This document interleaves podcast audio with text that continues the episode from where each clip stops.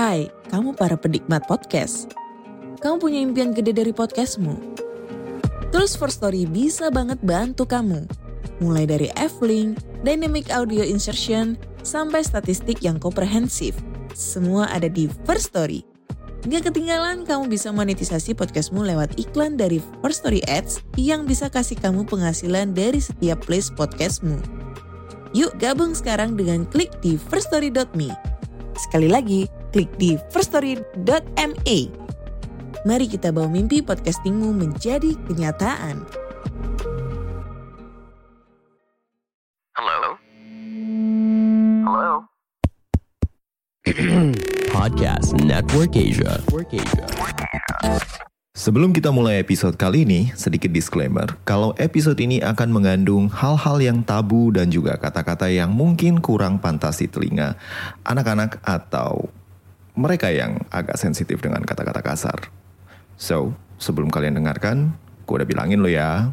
Halo semua pendengar Mitologi Santuy, podcast yang ngebahas mitologi dengan cara yang santuy. Kembali lagi dengan gue, si Guru Kelana, dan kali ini kita akan memulai episode perdana tentang seri pahlawan Yunani yang baru yaitu Jason.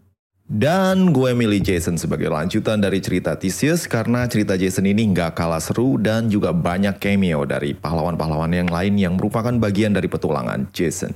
Anyway, cerita Jason ini terjadi sebelum Theseus dan mungkin berbarengan dengan petualangan Hercules ketika dia sedang menyelesaikan 12 tugasnya. Kalau kalian belum kenal dengan Jason, well, Jason adalah pemimpin kru kapal Argo yang ditugaskan untuk mengambil kulit domba bulu emas di suatu negeri yang jauh di sana. Dan sebelum gua mulai ceritain tentang Jason, gua akan ngebahas background story dari awal. Biar kalian semua pada mudeng. Gua kasih warning dulu nih ya bakalan banyak banget nama-nama karakter di cerita ini. Tapi tenang aja, gue juga rencana bakal post nama-nama karakternya di IG karena well, gue pengen ngebantu kalian untuk mengerti semua cerita ini. Kayaknya gue udah kepanjangan banget nih openingnya. Yuk kita mulai cerita tentang Jason Domba Bulu Emas.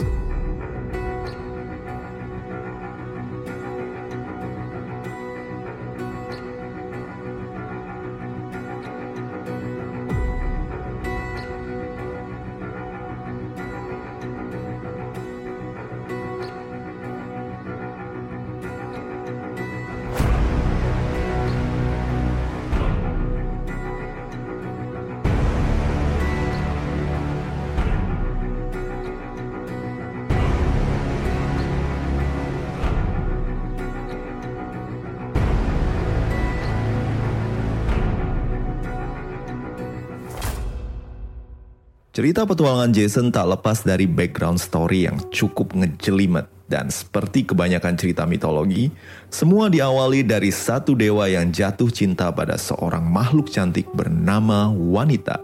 No, kali ini bukan Zeus seperti biasanya, tapi adiknya, si Poseidon. Apparently, Poseidon jatuh cinta pada seorang wanita bernama Theophane, dan kali ini cintanya berbalas, dan keduanya yang entah ya maybe punya fetish sama domba atau ternak memutuskan untuk bermain role play jadi domba jantan dan domba betina. Of course Poseidon jadi domba jantan, bukan domba betina. Karena itu bakalan weird abis. Anyway, kedua domba jejadian ini kemudian main ke pulau yang bernama Krinisa dan Theophane dalam bentuk domba betina melahirkan seekor bayi domba yang cute dan berbulu emas. Nah, inget-inget ya, inilah asal-usul domba bulu emas yang kelak bakal jadi tujuan dari misi Jason. Nah, cerita kita akan beralih ke sobat lama kita yang pernah kita bahas di episode Theseus The Duel, yaitu Ixion, bapaknya si Piritos. So, untuk nyegerin ingatan kalian, Ixion ini pernah menggoda Hera, istri Zeus ketika dia diundang makan-makan di Gunung Olympus. Zeus nggak percaya ketika Hera bilang Ixion ini berani nggodain istrinya. So, dia pun membuat Hera, KW, dari awan dan kemudian diberi nama Nefele. Nefele yang emang 100% mirip Hera ini kemudian mendekati Ixion dan beneran manusia lancang ini berani meniduri Nefele yang dipikirnya Hera. Zeus pun marah dan mengirim Ixion ke Tartarus biar dipanggang di atas roda berputar sampai lebaran Centaur. Anyway, si Nefele usai melahirkan anak setengah manusia setengah kuda hasil hubungannya dengan Ixion, kemudian tinggal di bumi dan menikah dengan Se.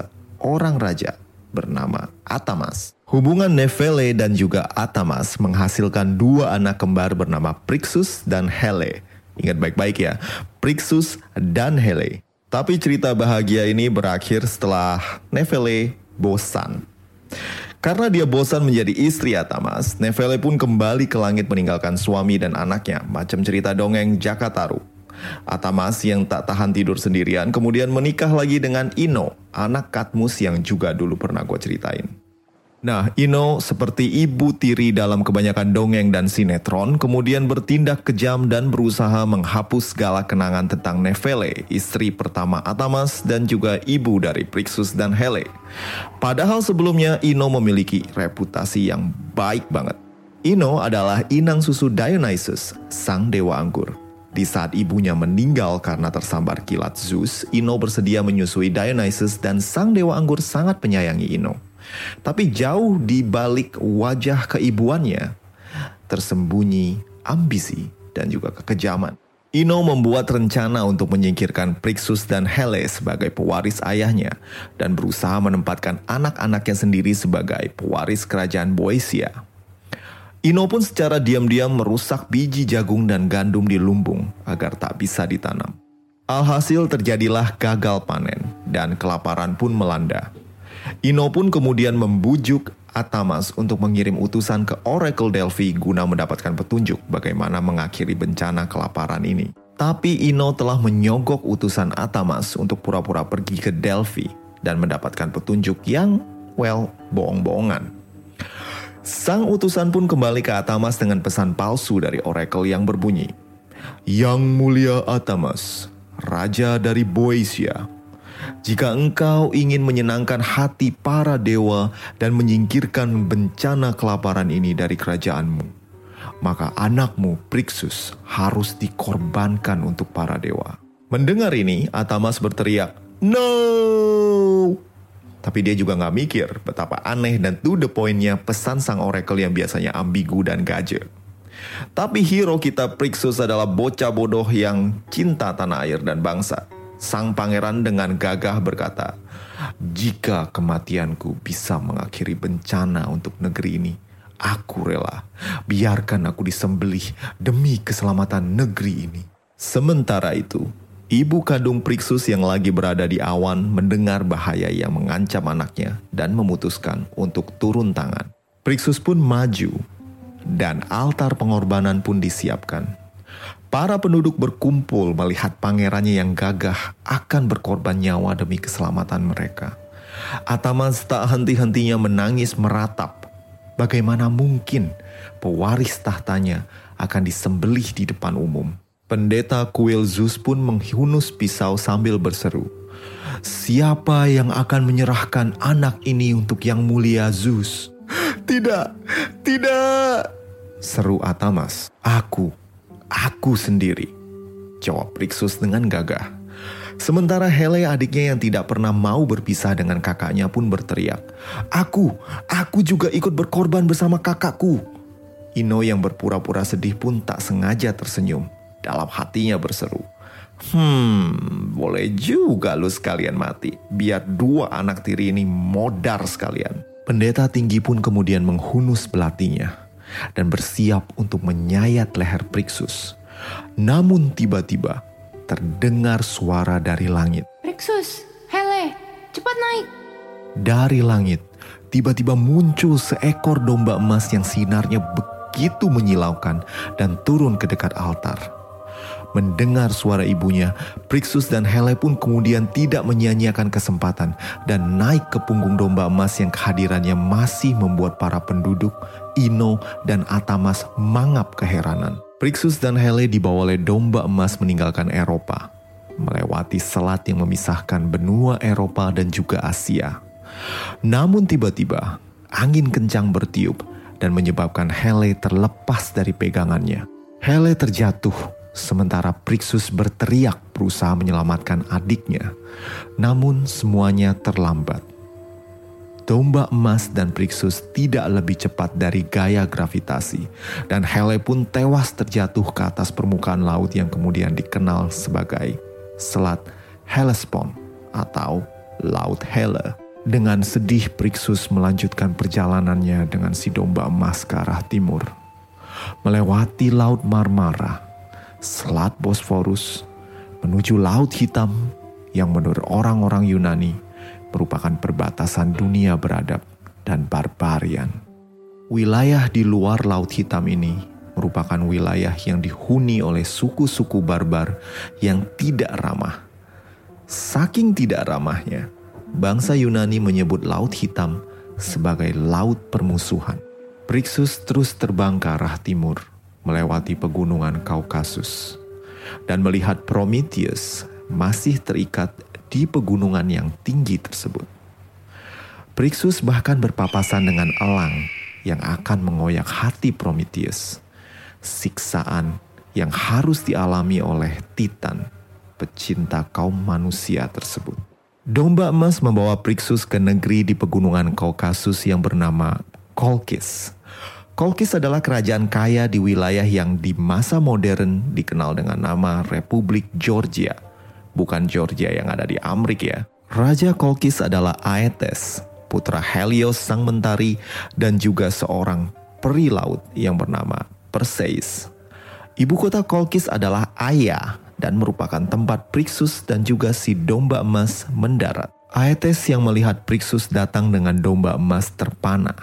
Dan walaupun agak curiga akan niat sang bocah ke kerajaannya, dia tetap ramah dan menawarkan tempat tinggal untuk Priksus. Priksus bersyukur akan perlindungan Zeus dan para dewa, dan kemudian menyembelih domba emas sebagai ucapan syukur kepada Zeus. Agak sayang rasanya domba emas yang cute dan juga baik itu disembeli. Tapi mungkin ya nggak tahu juga. Mungkin dia juga rada kesel karena itu domba gagal nyelamatin adenya kali ya.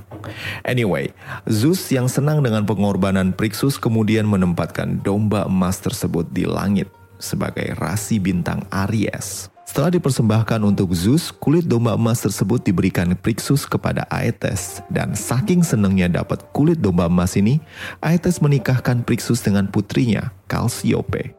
Kulit domba emas ini sangat indah dan berharga.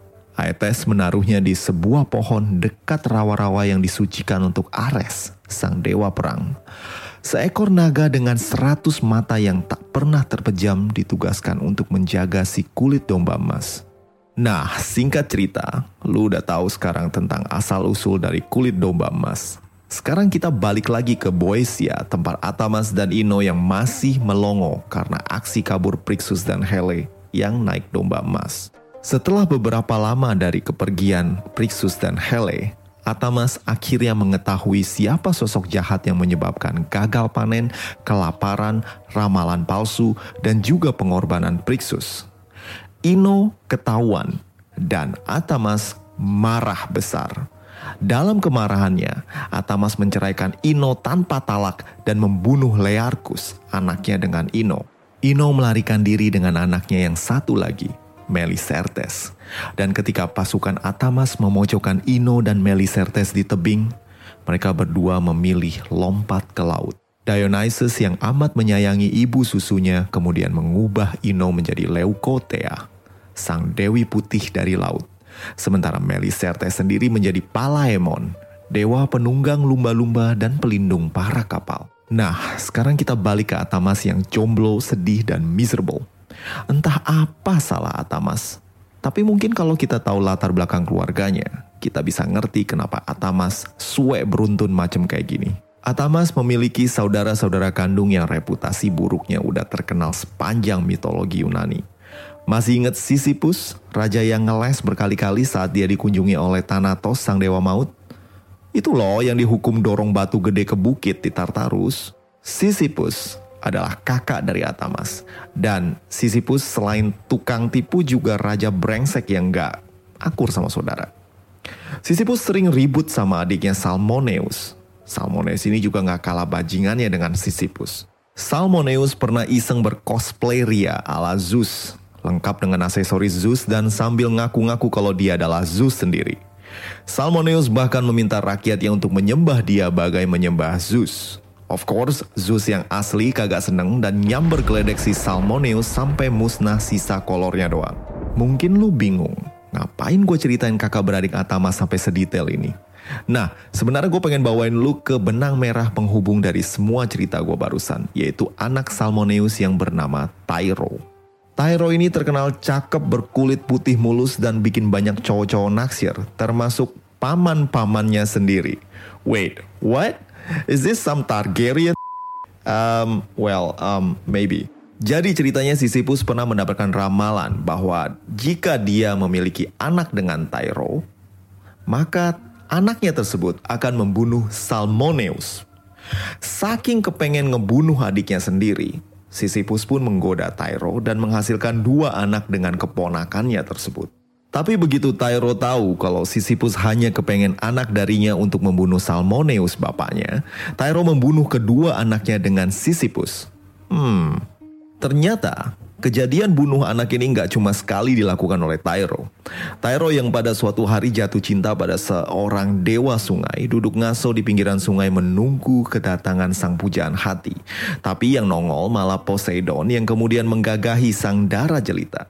Hubungan dari Poseidon dan Tyro kemudian menghasilkan dua anak kembar yang bernama Pelias dan Neleus.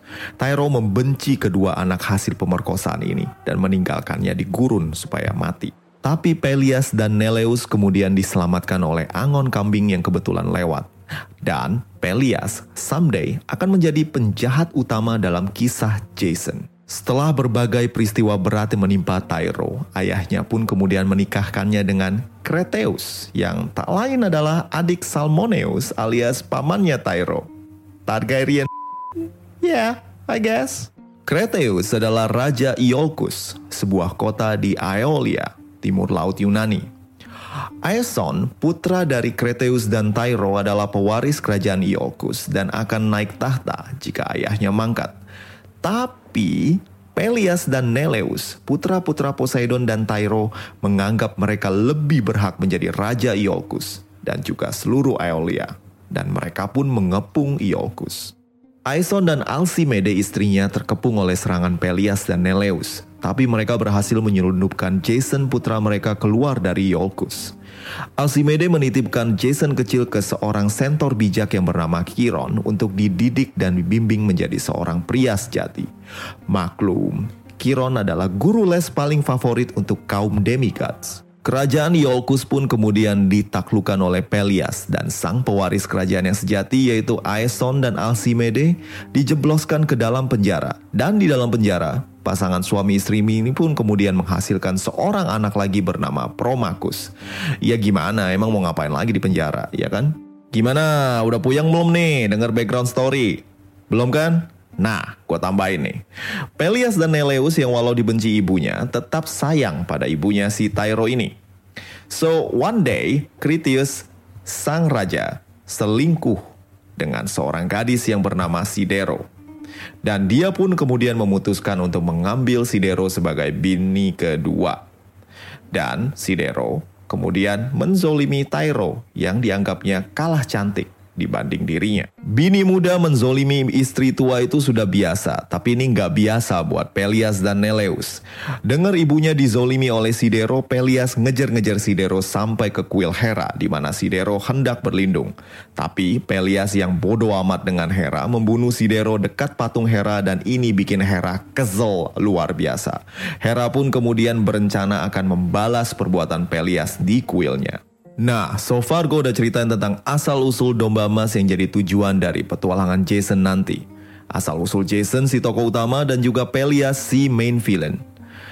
Juga gue tambahin motif Hera yang bakalan jadi Deus Ex Machina di cerita petualangan Jason.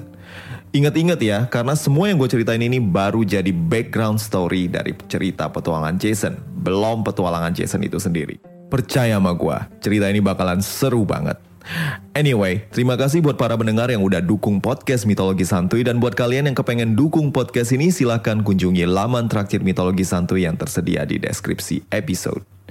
See you di next episode and ciao! Pandangan dan opini yang disampaikan oleh kreator podcast, host, dan tamu tidak mencerminkan kebijakan resmi dan bagian dari podcast Network Asia. Setiap konten yang disampaikan mereka di dalam podcast adalah opini mereka sendiri dan tidak bermaksud untuk merugikan agama, grup etnik, perkumpulan, organisasi, perusahaan, perorangan, atau siapa pun dan apa pun.